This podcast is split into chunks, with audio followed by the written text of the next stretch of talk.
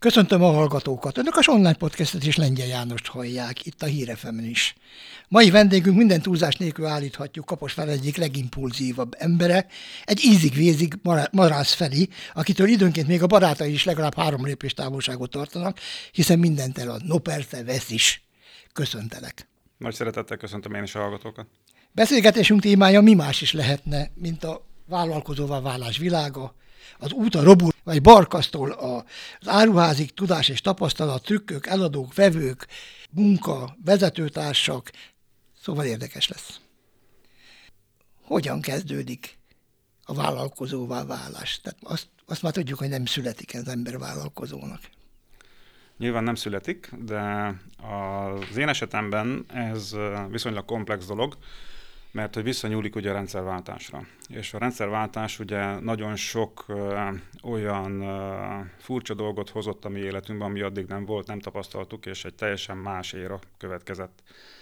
Ugye ez minden területen igaz volt, a gyártás, a kereskedelem, vagy akár maga a szolgáltatások területén is. Annak idején ugye a horvát háború hozott még egy érdekes vált változást, amit ugye maga a dél-dunántúli régió érzett, hisz maga a háborút követően a, a, a horvátok gyakorlatilag nyakló nélkül álltak neki felvásárolni mindent. És gyakorlatilag ez ö, hozta létre azt a profilt, amiből ugye mi ö, mára már egy ö, olyan áruházat hoztunk létre, ugye, ami a háziasszonyok Disneylandje. Ennek a, a kezdete talán generálta ezt a fajta területet is hisz akkor gombamód nőttek ki a földből azok a műanyagkereskedések, amik a háborúban elpusztult háztartásoknak a pótlására jöttek létre. És mivel én is ugye ott laktam a, a Dél-Dunántúli régió legdélibb csücskében, ezért az ők ellátására szakosodott gyakorlatilag akkor a tevékenység. Ugye ezért is lett maga a háztartási műanyag, mint profil névadója is ugye a Marászplasznak, és uh, ugye ezt a nevet nem is változtuk, változtattuk meg, hisz a brand maga az így tud lenni brand, hogy nem változik. És kibírja a folyamatos változásokat? Ki kell, hogy bírja, igen. Abszolút. A képességeit, a hitét tekintve minden lehetősége megvan arra, hogy kizárja. Természetesen ugye ez a, a plast, mint műanyag, ugye nagyon sokan nem tudják, de megváltozott már, és ugye mm, nem csak háztartási műanyagok, mint profil találhatóak meg nálunk, hanem természetesen ugye a fémfa, illetve más egyéb alapanyagokból készült termékek is, de maga a kezdés az, az ekkor is így történt. Azóta jelentősen megváltozott a világ, meg a vállalkozói lét is. Igen. Tehát mit jelentett az első időszakban vállalkozónak lenni a munkavállalói státuszhoz képest? Tehát mit érzékelt az egyes ember? Miben volt ez más? Uh, amiben más volt az, az a fajta szándék, ami azt határozza meg, hogyha elkezdtünk valamit, azt fejezzük is be, vagy csináljuk tovább. Nyilván a vállalkozói lét első érája az buktatókkal van tele. Tehát gyakorlatilag egy sikert legalább három olyan mm, hátrányos helyzet vagy, vagy mélyrepülés követ, amit vagy nagyon nehezen, vagy egyáltalán nem dolgoznak föl azok, akik mondjuk félnek a vállalkozói léttől. Tehát az a fajta kitartás és energia, ami kellett akkoriban ahhoz, hogy túllendüljön ezeken a mélypontokon, az mindenképp jellemzi magát ezt az időszakot. Ez a fajta kitartás, ugye, hogyha levetítjük a mi vonatkozásunkba, akkor az arra vonatkozott, hogy oda mentünk egy kereskedéshez, hogy mi szállítanánk nekik, de természetesen, amikor azzal a válaszsal szembesültünk, hogy ú, ma te vagy már a negyedik, aki ide jött, mindenki jött. És mindenki és el akar adni. És mindenki el akar adni, te is csak egy vagy a sok közül, stb. És ebből a, a kereskedelmi környezetből kellett, hogy kinőjön maga egy értékesítési kultúra, ebből kellett, hogy kinőjön egyfajta rendszeresség, és ehhez kellett a kitartás, hogy az, aki azt mondta, hogy nem, ahhoz többé nem, hogy nem mentünk be, hanem minden héten bementünk. És onnantól kezdve előbb-utóbb elhiszi, hogy számíthat arra a beszállítóra, előbb-utóbb elhiszi, hogy számíthat arra a nagykereskedőre, Azért azt hangsúlyozom, hogy a mai piaci környezet és az akkori piaci környezet korán sem hasonlít egymásra. A kereskedelemben 95-ben létezik a gyártás, tehát gyártói lét, nagykereskedői, kiskereskedői és fogyasztói lép. Ez a fajta grádiens, ez a fajta lépcső az, ami végigmegy egy termék, akkor, amikor Nincsenek még hazánkban multik. A multik megjelenésével gyakorlatilag szőnyeg alá lett söpörve ez a fajta kereskedelmi kultúra, és létrejött az a fajta állapot, amit gyakorlatilag a multik, mint gyártók voltak a saját márkás termékeikkel a piacon. És egy olyan tradicionális kereskedelemben résztvevő cég, mint a miénk, akinek a profilja nagy kereskedelmi ágazaton belül volt meg, gyakorlatilag két másodperc alatt eltűnt. Mert hogy a kiskereskedő már olcsóbban megveszi a multiban a terméket, mint a nagykereskedőtől. A gyártó megijed, mert ugye a nagykereskedőket nem tudja ellátni, mert a nagykereskedő már csak egy árfelhajtó szerepet játszó közbenső cég, aki gyakorlatilag ezeket az elemeket nem tudja beépíteni az életében. Ezért a gyártó elkezdi kiszolgálni már a fogyasztót is. Az a fajta védelem, amit a, a nagykereskedő adott a kiskereskedőnek, hogy nem szolgált ki fogyasztókat, a gyártó az a fajta védelem, amit adott a nagykereskedőknek, hogy nem szolgált ki kiskereskedőket, eltűnik ebben a, ebben a, a 95 2000-2005-től való Egy egészen évben, új világ, ha úgy tetszik. És egy összehasonlíthatatlan a régi vonalak számára tényleg nem összehasonlítható különbség érkezik meg. Ezek a piaci rezgések azok, amik a mai napig is bennünket például jellemeznek, hogy a piac változásaira azonnal reagálunk. Tehát nem egy másodperc múlva, vagy két másodperc múlva, hanem azonnal. Tehát akkor, amikor a social media megjelenik, ugye most korszakokról beszélünk, Igen. akkor, amikor a láthatóságát kell, hogy növelje valaki, akkor, amikor fogyasztói piacot kell, hogy növeljen, amikor kampányokat kell, hogy kitaláljon, vagy abból az információs alapzajból, ami pillanatnyilag a világot jellemzi, egy kicsit is kidugja a fejét, és láthatóvá váljon, ahhoz különlegesnek kell lennie. Nem lehet összehasonlítható. Visszatérve a kezdetekre, tehát nagykereskedelem, kiskereskedelem, fogyasztói kereskedelem megváltozott, és ebben változtunk mi is. Amikor jöttek a multik, akkor nem volt más választás, mint alkalmazkodni a megváltozott helyzethez. Így van. De ez a helyzet folyamatosan változik. Tehát alkalmasak-e főleg a magyar tulajdonban lévő kereskedelmi egységek ahhoz, hogy, hogy lépést tartsanak ezzel a változással, ne adj Isten, bizonyos területeken képesek-e a multikat olyan szinten befolyásolni, hogy az ő érdekeik előtérbe tudjanak kerülni. Tehát mi, mi mozgatja itt a piacot? Milyen lehetőségek vannak? A, ha visszatérünk egy katanást, és azt mondjuk, hogy a multik bejöttek az országba. Igen. A lehető legrosszabb dolog, amit tehetett egy kereskedő, hogy felvette velük a versenyt. A lehető legrosszabb. Multival nem versenyzünk? Multival nem versenyzünk. Nincs értelme. Akkor mit csinálunk vele? Ö, nem szembe kell állni, hanem mellé kell állni. A melléállás az természetesen nem azt jelenti, hogy mi is azokat a termékeket forgalmazzuk. A melléállás az, amikor fölveszük azokat a dinamikákat, amiket ők is alkalmaznak. A multik gyakorlatilag a kereskedelmi kultúrát befolyásolják.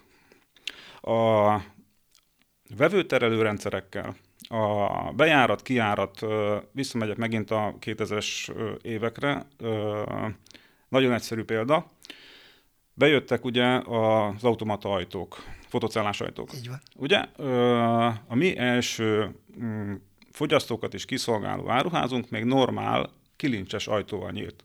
És volt olyan vevő, aki ott állt és várt, hogy kinyíljon az ajtó. Mert hogy nem nyílt ki magától. Ezt a fajta dinamikát, amit a multik létrehoznak, ezt követni kell, mert gyakorlatilag a, a közféra olyan befolyást kap általuk, hogy gyakorlatilag akciókat keres, ugyanazon folyamatokat keresi, mint ott van, ugye? Így van. Újságokat, stb. És mi ellenben nem a termékeinkben igyekszünk versenyezni a multikkal, hanem a szolgáltatásunkban. Amíg ők nem szolgálják ki az embereket, ugye a vevőket, mert hogy nincs rá kapacitásuk, addig mi igyekszünk kiszolgálni őket, igyekszünk kedvesek lenni. Vannak varázs, varázslatos dolgok. Köszönünk a vevőknek. Ugye, ö, megszólítjuk őket. Tehát nagyon sok olyan dolog van, ami szolgáltatásban sokkal-sokkal jobb. És a szolgáltatásnak a, az értéke az magasabb. De a verseny az nem azonos platformon zajlik mert hogy termékeiben és áraiban, ugye a multik nagyságát azt mi kisebb kereskedők nem tudjuk föl, fölhozni. Tehát nincs saját márkás termékünk, nem tudunk filléres dolgokat adni, és a többi. Tehát nem ebben kell, hogy versenyezzünk, hanem egy teljesen más dinamikát kell, hogy hozzunk, és ez nálunk a szolgáltatás. És a szolgáltatásnak a minőségét kell, hogy emeljük. Ezzel tudunk kitűnni abból a kereskedelmi zónából, amitől mi mások vagyunk. Tehát siránkozni az kevés hogy már mi történik akkor, és mi lesz a piacon, hogyan tud az ember fönnmaradni, hanem mindenképpen cselekvő részvételre van szükség. Ez nagyon fontos a tulajdonosi vezetői elgondolás szintjén. De lehet-e ehhez találni egyrészt vezetőtársakat, és lehet-e hozzá ehhez találni munkatársakat? Hogy hogyan lehet ezt megoldani, hogyan lehet fölépíteni egy ilyen kvázi együttműködésben érdekelt Igen. csapatot. Ez előbb volt még egy kérdésed, amit nem válaszoltam, hogy képesek a magyar kereskedelmi Igen. cégek fölvenni azokat hát a változásokat. Kizárólag a vezetőtől függ. Igen? A vezető személyiségétől, attól, hogy neki megvan-e a hite abban, hogy azt a fajta túlélést oda tudja tenni a cégnek, ami ebben a, a multikárnyékot a környezetben van. Ha megnézzük a második kérdésedet, akkor gyakorlatilag itt a mi esetünkben is ezt hiszem. Tehát nekem rendkívül erős a hitem abban, hogy mi képesek vagyunk különlegesek lenni, képesek vagyunk mások lenni, elhiszük magunkról azt, hogy mi elképesztő jók vagyunk, és nem csak elhiszük, hanem tudjuk is. És ez szerint cselekszünk. A másik, azért fontos ez a fajta vezetői dinamika, amiről beszélek, mert hogy ugye az ember egy élő mágnes, olyanokat vonz, mint saját maga. Így van. És gyakorlatilag, hogy... Vagy taszít. Hát, vagy taszít. Ha megnézzük, akkor a mi vezetői gárdánk ö, döntő többségében már sok éve egy együttműködési tímet alkot. Az ő vonzásaik hasonlóak pár, és a munkatársak is gyakorlatilag egy jókedvű, humoros ö, olyan érába érkeznek, mint munkahely, ahova nem gyomorgörcsel érkezik az ember, hanem vidáman, és már alig várja, hogy jöjjön dolgozni. Megünneplünk mindent is, ö, nagyon jó kis saját rendezvényeink vannak, és ö, ami nagyon fontos, és ami vezetői szereptől jön, hogy a hangulat az olyan legyen, ahova érdemes jönni. És akkor, hogyha... A hangulat az, az vevő, csalogató, vevő, megtartó erő, azt mondod? Mind a kettő benne van, de csak akkor, hogyha ennek a hangulatnak láthatóságot adsz. Tehát akkor, amikor mi a posztjainkban, a megjelenéseinkben, a láthatóságunkban azt tükrözzük, hogyha milyen eszetlen jól érezzük magunkat akkor, amikor együtt vagyunk, akkor az vonzást generál. És gyakorlatilag sok éve nem adtunk felálláshirdetést. És azok, akik látják azt a fajta hangulatot, ami magát a céget jellemzi, akkor hoznak önéletrajzokat, hogy ők szeretnének ide jönni dolgozni. És egy nagyon erős könnyebbséget okoz, mert hogy nálunk nincs hárosztály. Mert hogy nincs fluktuáció. Tehát gyakorlatilag egy vagy két ember az, aki megy vagy jön egy évben, mert hogy van, ugye, mivel sok fiatalunk van, ezért nyilván jön egy gyermekvállalás, avagy az idősebbeknél egy nyugdíj, vagy bármi ilyesmi. Én végtelen büszke vagyok arra, hogy uh, amikor még uh, egyedül dolgoztam, az első ember, akivel elkezdtem dolgozni, ő ma is a cégnél dolgozik. Ez 26-27. éve. És akkor, amikor uh, évente 20 vagy 25 éves évfordulós plaketteket, illetve jutalmakat adunk át a, a munkatársainknak, az jellemzi azt, hogy érdemes itt lenni. Hárman vagytok akkor törzsgáldák, a barkasz, te meg a kollégád. igen, igen, igen, igen. Az üzletben most is ott van a barkasz, és villog. Tehát be van kapcsolva a lámpája, és villog. Milyen jelkép ez? Mit, mit mutat ez? Mire figyelmeztet, ha úgy tetszik? Az a helyzet, hogy ketté választanám a, a, a jelképét a barkasznak. Egyrészt nagyon fontos az, hogy az ember tudja, hogy honnan indult. Nagyon sok ember felejti el. És ahogy belépsz minden nap, ott a barkasz. Ott a barkasz, és az embert emlékezteti nyilván arra, hogy honnan indul. Ez az egyik dolog. A másik pedig az, hogy egy kicsit talán jelképet állítson azoknak a fiataloknak, akik gondolkodnak azon, hogy érdemese bármilyen vállalkozást csinálni, mert hogy igenis meg lehet. Tehát a barkaszban nem volt klíma, és sorolhatnám azokat a tempomattól kezdve mindenféle extrákat, amiket ma már akár a mi is elvárnak. Tehát Ellenben volt lehetőség, hogy minden este neki kell javítani valamit, mert hogy estére valami elromlott, azt tuti. És innentől kezdve uh, nyilván jelképez egyfajta kitartást azoknak a fiataloknak, vagy mm, lehetőséget, hogy igenis meg lehet csinálni, hogyha van akaratereje, hite, amikről beszéltem már a, a mai nap. A másik pedig az, hogy nem túl rég pont a, a kollégáimnak hoztam föl, hogy akár én és a feleségem mindketten ugye igyekszünk példát mutatni abban, hogy megfelelő módon éljük meg a mai mindennapjainkat, és ne felejtsük el azt, hogy honnan induljunk, és hoztam föl nekik ugye a barkaszt, mint példát. Mert hogy nagyon sokan nagyon gyorsan elfelejtik, hogy honnan jöttek hozzá dolgozni, hogy milyen körülmények ből érkeztek mondjuk jó körülmények ki, és azok a plusz dolgok, amiket mi adunk a dolgozóinknak, azok elvárássá válnak. És erre is nagyon jó példa az, hogy ott van. De nyilván egy nagyon jó ö, reklámfogás is, mert hogy azért nem jellemző az, hogyha bemész, visszatérek a múltis környezetbe, és mondjuk egy ilyen dolog fogad. Tehát a, a különlegesség az attól fakad, hogy ezt meg lehet csinálni. Nagyon fontos dolog az is, hogy a vezetők példát mutassanak minden tekintetben ugyanakkor a tulajdonos, felsővezetők, középvezetők és a munkatársak között ez mégiscsak van egyfajta távolság. Van káderpolitika nálatok egyáltalán? Vagy, vagy hogy történik a legtehetségesebbek kiválasztása? Vagy feladatorientált a, a, a, a cég, vagy, vagy hogy történik mindez? Természetesen feladatorientált, de ha megnézzük, akkor sokkal, sokkal fontosabb az a fajta szenvedély, amivel végzi a munkáját az ember. Gyakorlatilag nagyon sokszor történik cégen belül is átszervezés, mert hogy egy-egy uh, munkakört valaki nem szeret már csinálni, beleunt, belefáradt, stb. Ugye már nem érdekes. Tehát erre, erre van lehetőség, vagy folyamat?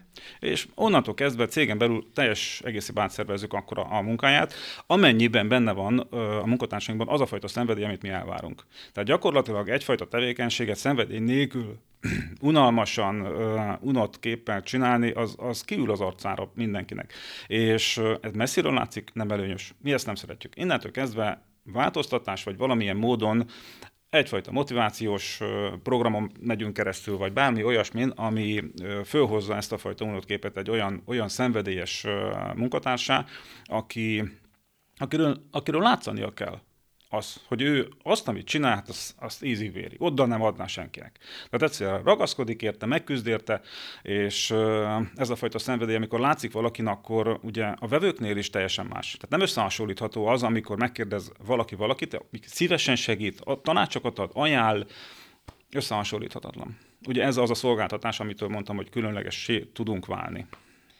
Igen, de ugyanakkor az is egy érdekes összefüggés lehet, hogy a termék szerkezet hogyan tud változni. Tehát mi az, amit kínáltok? Tehát hogyan jelenik meg ez a fajta multikkal együtt élés, de másként, máshogyan, mondjuk a beszerzésekben. Ki találja ki, hogy éppen milyen termékkört, milyen mennyiségben, milyen minőségben szerzünk be, mert a multik csinálnak egy piacfelmérés, aztán megpróbálnak annak megfelelően viselkedni. Uh a tudományos piackutatással szemben mi hiszünk a saját intuícióinkban. Az intuíció az nagyon sok forrásból tud származni. Nagyon sok olyan eset van, amikor akár én mondjuk utazom az országban valahova, volt is nem tudom rég egy konkrét példa, és egy utas szeletet találtam az egyik benzinkutnál. Az utasánlát nyilván ma már a beszerzés nem egy nagy dolog, mert ugye a neten fönt van minden, tehát nem kell, hogy kutassunk minden után, és rajta van a gyártó, fölvettük vele a kapcsolatot, rögtön megjelentek az utasállátó szeletek ugye a mi polcainkon is, és nálunk a beszerzésben nagyon fontos az a fajta szempont, hogy ne legyen összehasonlítható a termék. Nem tudjuk elkerülni, de az összehasonlíthatóság az úgy néz ki, amire gondolok, hogy a sportszelet az mindenhol sportszelet. Így van. És mindegy, ugyanannyiba kerül. De amíg, amíg igen, igen, igen, de mi nem veszünk mondjuk 18 vagy 20 kamionnal sportszeletből, mint mondjuk más élelmiszeráruházak, de, de a sportszelet meg olyan, hogy aznak meg lennie kell. És akkor Nyilván van nálunk, de ez egy összehasonlítható termék. Ami nem összehasonlítható termék, az olyan, ami szintén ezt a fajta intuitív vásárlást hozza. Például mondjuk hűtőszaktalanító. Tehát a hűtőszaktalanítóért otthonról nem indul el senki. Ebbe egészen Magában, biztos vagyok. Biztos. Amikor meglátja, megveszi. És az intuitív vásárlás az, ami megadja a lehetőségét annak, hogy nem összehasonlítható termékeket forgalmazzunk. Döntő többségében. Tehát azoknak az edénymárkáknak, amiket mi forgalmazunk, azoknak a termékeknek, amiket forgalmazunk, ha lehet, akkor ne legyen párhuzamos megfelelője, más áruházakban. Ez nyilván meghatározza azt, hogy nem könnyű a munkája a beszerzésnek, viszont ezt teszi élménydússá mert hogy nem Milka csokikat kell beszerezni, és elnézést a márka megemlítéséért, de, de, de nem olyan összehasonlítható, mindenhol kapható dolgokat, amiért nem érdemes mondjuk máshol menni. Ugye nekünk a profilunkat a kertészettől, a konyhafelszerelésen keresztül, a lakásfelszerelésig nagyon sok terület felöltözteti. De ugye megkülönböztetünk itt határidős, azaz naptári kampányokat, olyan, mint a minden szentek, ugye a mécsessel, ami most ami kezdődik. szükségképpen bekövetkezik. Így van, igen. ugyanúgy a kertészetet, ugyanúgy, tehát amikor tavasszal ugye a cserepekkel, a virágzással ö, jövünk, tehát ezeket, ezeket mindig, mindig változtatni kell tudni, és olyan kínálatot adni, amiért érdemes oda jönni. Hisz ö, ugye Kaposvár, mint város, ö, az ország egyetlen hát olyan Meg városa. város térség is azért, azt lássuk be. Az ország egyetlen olyan városa, ahol a nagyáruházak a város központjában vannak. Igen, nem a város szélén. És tehát nekünk ez a fajta versenyhelyzetünk ugye nem előnyös azért, hogy hozzánk ki kell jönni a város szélére. Ellenben ugye más áruházakat pedig sétálva elérünk a város központba. Tehát ez nem segíti a, a helyzetünket. Ellenben ez megint csak egy olyan, olyan küzdelmi szakasz, amit mi kell, hogy vállaljunk, és meg tudunk csinálni, mert hogy teljesen mindegy, hogy kint vagyunk, olyan kínálatot kell adnunk, amiért ki, érdemes kijönni. És ezekben vannak bent ezek a termékek is, amiért érdemes kijönni mi az, ami meghatározza mondjuk a közel és távoli jövőt? Tehát vannak-e olyan stratégiai célok, amik mentén haladtok? Tehát hogyan akartok, vagy hogyan tudtok belelátni mondjuk a háziasszonyoknak a fejébe, vagy a belső építészek fejébe, vagy a, a éppen konyhát építők fejébe, vagy mi legyen, milyen, milyen struktúrában, milyen eszközök, milyen berendezések, milyen kellékek, mitől függ ez? Tehát bemész a sajátodba, megnézed, mi hiányzik, és akkor megrendez? Nem. Mindig követjük az aktuális modern trendeket. Tehát ezeket a trendeket, ahogy mondtam, mi nem pár másodperc múlva követjük le a piac rezgéseit, hanem azonnal. Hát a sebességbeli különbség van? Igen, igen, igen, ugyanis a mai piacot nem az jellemzi, hogy a nagy hal megeszi a kicsit, hanem a lassú. Gyorsan Így van, a gyorsan lassúban. És ezeket a termékportfóliókat ugye a megjelenések hozzák. Tehát akkor, amikor, amikor a mi profilunkban megjelenik egy újfajta struktúra vagy termék, akkor mi azt szinte azonnal hozzuk a piacra és a polcra tesszük. De ennek is láthatóságot kell adni. Tehát az, hogy föltesszük a polcra, az kevés. Tehát tenni kell azért, hogy ezt mindenki tudja, tenni kell azért, hogy ezt mindenki lássa, és ami a legfontosabb, vágyat kell kelteni abban, hogy ezt meg is akarja venni. Birtokolni akarja, és ezt tőlünk akarja megvenni, mert őt ki kell, hogy szolgálják. Ezek azok a ö, sarkpontok, azok a vonalak, amiket mi bele kell, hogy tegyünk a mi működésünkbe, ahhoz, hogy ezt a fajta vonzást generáljuk. És ha ezt a fajta vonzást generáljuk, akkor én úgy gondolom, hogy a jövőkép az egyértelmű. Termékfüggetlenné is válhat, de a termékek kellenek hozzá. Ez olyan, mint az István a király, veled uram, de nélküled. Ez nagyon érdekes dolog. Nyilván tartjátok-e például azt, hogy a vevők a törzsvásárlóitok, hiszen jelentős része a vezvőiknek nekek törzsvásárlók közé tartozik, beleértve magamat is, keresnek-e valamit, és akkor arra léptek, vagy pont a, a, a vevők folyamatos megjelenése kapcsán vetítitek ki azokat a lehetséges ö, stratégiákat, ami mentén haladtok, hogy na még ez is kéne, meg ez is kéne, ebbe az irányba, abba az irányba is lépni kéne még tovább. Igen, ugye azt tudni kell, hogy nagyon széles maga a termékpaletta, hisz nagyságrendileg 15 ezer féle aktív termék van, és tűpontos kimutatásokat használunk, mind a vásárlói szokások, mind pedig a vásárlók igényeinek a meghatározására. Ugye akkor, amikor egy termékről beszélünk, és valakinek az a véleménye, hogy hát ezt mindenki keresi, akkor ugye hány fő az a mindenki? Igen. Mert az nem biztos, Mennyi hogy... mindenki, igen. igen. És, az a, mikor van a mindjárt? Ez pontosan ez a működésben úgy néz ki, hogy maga a vevőket kiszolgáló munkatársak is tudnak javaslatokat tenni arra, hogy mi az, amire igény mutatkozik, de nálunk nincs. Vagy nem olyan van, vagy másfajtát kell, hogy hozzunk belőle, és ezeket leragáljuk szinte azonnal, és gyakorlatilag szinte, hát Havonta nagyságrendileg 3 és 700 féle új terméket próbálunk ki, és ugyanígy 3 és 700 félét listázunk ki. Szép szám. Tehát gyakorlatilag, igen, szép szám, de ahhoz, hogy ezt a fajta szintet, amit mi elvárunk és csinálni tudjuk, ahhoz minimum ez kell, hogy a, a piacnak a rezgéseit, a mozdulatait azt fölvegyük.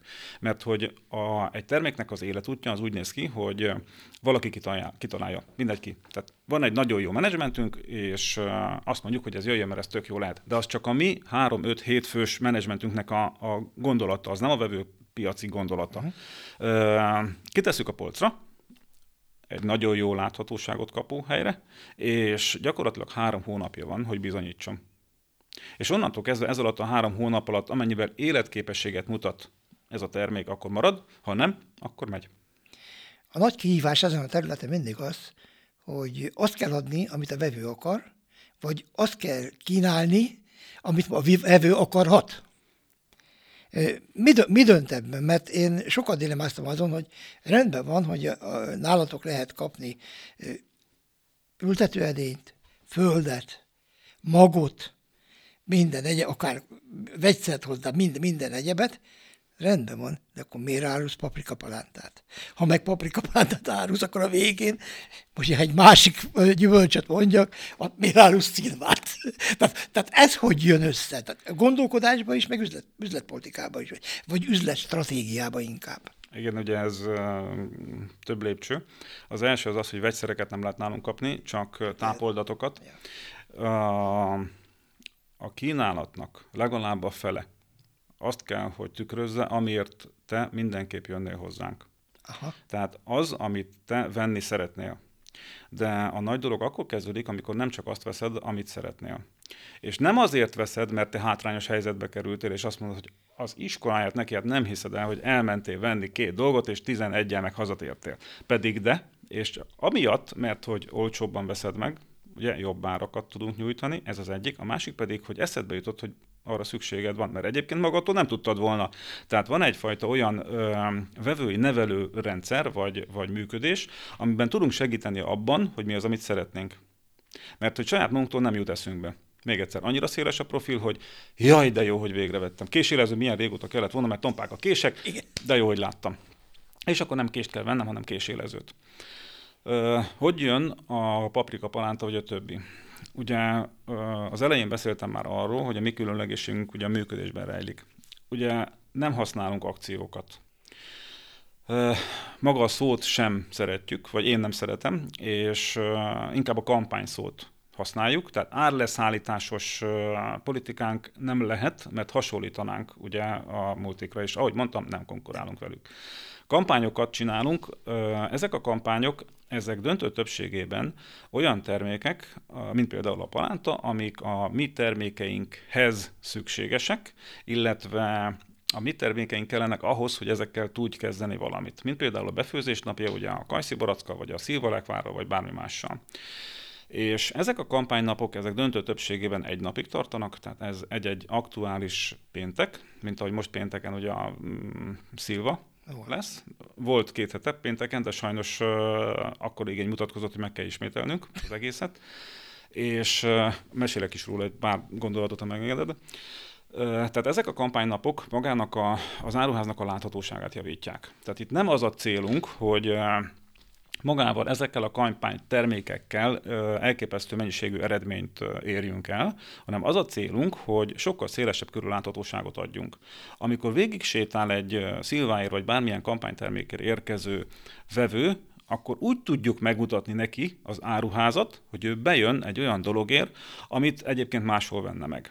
De ezt a fajta láthatóságot, ezt, ezt, ezt szükséges megadnunk, ahogy mondtam, ugye a városszéli elhelyezkedésünknek köszönhetően, és hogy tudod legjobban megmutatni az áruházat, hogyha eléred azt, hogy valaki bejöjjön valamiért. Mindenképpen oda kell vinni. Mindenképpen oda kell vinni, és hogyha átsétál rajta, rendkívül sok ilyen van egyébként, amikor egy házaspár mondjuk sétál szilváért, maradjunk ennél a példánál, Igen. és hú, nézd, hát ez is van, hú, nézd, hát az is van, hát miért nem jöttünk ide eddig, hát nézd már. Aha. Tehát így tudjuk megmutatni a legjobban, mert maga az a rendkívül direkt értékesítési forma, amit nagyon sok cég csinál, ugye hideghívásoktól kezdve mindenféle, az erőszakos értékesítésé válik, Aha. és kialakul... És ti cseppet sem vagytok erőszakos. Nem. nem. Mi azt mondjuk, hogy van 3,90 ér szilvánk, vagy jössz, vagy nem. Ja, ha nem jössz, akkor majd elveszi más. És onnantól kezdve ez az erőszakos értékesítési kultúra, ez egy ösztönös elutasítást hoz létre a vevőjelöltekbe. Tehát bárki, hogyha fölhívjuk, megszólítjuk, bármi más csinálunk, akkor már ösztönösen elutasítja magát az egészet. Tehát visszatérve a szilvára, hogy miért kell megismételni. Ugye nagyon nehéz megítélni azt a mennyiséget, amit értékesíteni lehet egy egynapos ilyen kampánynapon. Mennyiségében ez úgy néz ki, hogy 3, 5, 6, 7, 8 tonna. De a 3 és a 8 tonna között ugye van 5 tonna különbség. A szilva, hogyha érettebben jön, ugye ezt soha nem tudjuk, de ha érettebben érkezik, akkor péntekről szombatra már gyakorlatilag nem eladható. Tehát az olyan mértékű veszteség, hogy fú. És emiatt létrehoztunk egy előrendelési platformot, egy felületet, és ezen a felületen úgy gondoltuk, hogy a vevők döntő többsége leadta már a rendelését, és mondjuk 4 vagy 5 tonnát hoztunk. Erre szabadpiaci értékesítésre még ráraktunk mondjuk két tonnát. És akkor így ugye egy viszonylag nagy mennyiség érkezik meg. Ugye nálunk fontos az, hogy nem mérjük, előre ki van porciózva, nem kell túl sokat sorbálni, legalábbis igyekszünk rá, ellenben ezt nem tudjuk mindig elkerülni. Ö, megérkezik, és úgy jártunk a két héttel ezelőtti péntekkel, hogy 9 óra 40-re vagy 8 óra 40-re elfogyott az összes. És az nagyon kellemetlen, ugye nekünk, Igen. hogy csalódást okozunk azzal, hogy valaki oda jön 10 órakor, és nem tudunk szilvát adni neki. Emiatt azonnal ö, nekiálltunk rendeléseket fölvenni, mert hogy ha már nem tudtuk kielégíteni ugye ezt a fajta igényt, ahogy a termelő biztosítani tudja a szilvát, újra megcsináljuk. És ezért jött létre a következő kampánynap, mert hogy több volt az igény, de ennek ugye a kárányhítését csak a rendelések felvételével tudtuk megcsinálni. Így innentől kezdve újra megcsináljuk a, a Szilva kampánynapot, megint csak egy napig tart, és újra 3-4-5 tonnát. És ez része ennek az új üzleti kultúrának, amit Így megvalósítottatok. Így van. Mit, mit mutat a jövő? Tehát mennyire lehet erről látni, hogy amit most csináltok, és ahogyan csináljátok, ez meddig lehet elég? Ö, nagyon érdekes, mert ö, egyfajta igénye van a vevőnek, amit nehéz kielégíteni, mindig újat akarok. És az a helyzet, hogy úgy akarok újat, hogy a régit be ne fejezd. Aha, ez érdekes. És onnantól kezdve, hogy az újdonságokra vágyunk, úgy kell tudnunk váltani akár terméket, akár kampányt, hogy ne tűnjön föl, hogy a régit elveszük. Tehát az nem tűnhet föl, mert arra szükség van. Az kell. Ja, de ha nem látom, akkor nem kell. És így innentől kezdve ezt a fajta újdonságot, ezt, ezt én úgy gondolom, hogy így tudjuk megcsinálni. Sokkal nagyobb igények mutatkoznak a savanyítási szezonra, a csemege uborkára, almapaprikára, tehát ezekre. Nincs kizárva, hogy kitalálunk egy gyöngyhagymás verziót, mert hogy mi is a kereskedelem gyöngyei közé tartozunk, és akkor ugye összeállítunk egy, egy mondjuk gyöngyhagymás verziót, már csak azért, mert én marhára szeretem a gyöngyhagymát, és onnantól kezdve miért ne lenne, nem? Tehát. Nem is találok ettől jobb végszót, tehát ö, hallgassák továbbra is a rádiót azok, akik szeretik a gyöngyhagymát. Köszönöm, hogy velünk voltak. Marász Ferencet, a Kaposvári Marászpasz tulajdonosát, vezetőjét és generátorát hallották itt a online podcastben, a Hírefemen, akit Lengyel János kérdezett. További jó rádiózást, viszont hallásra.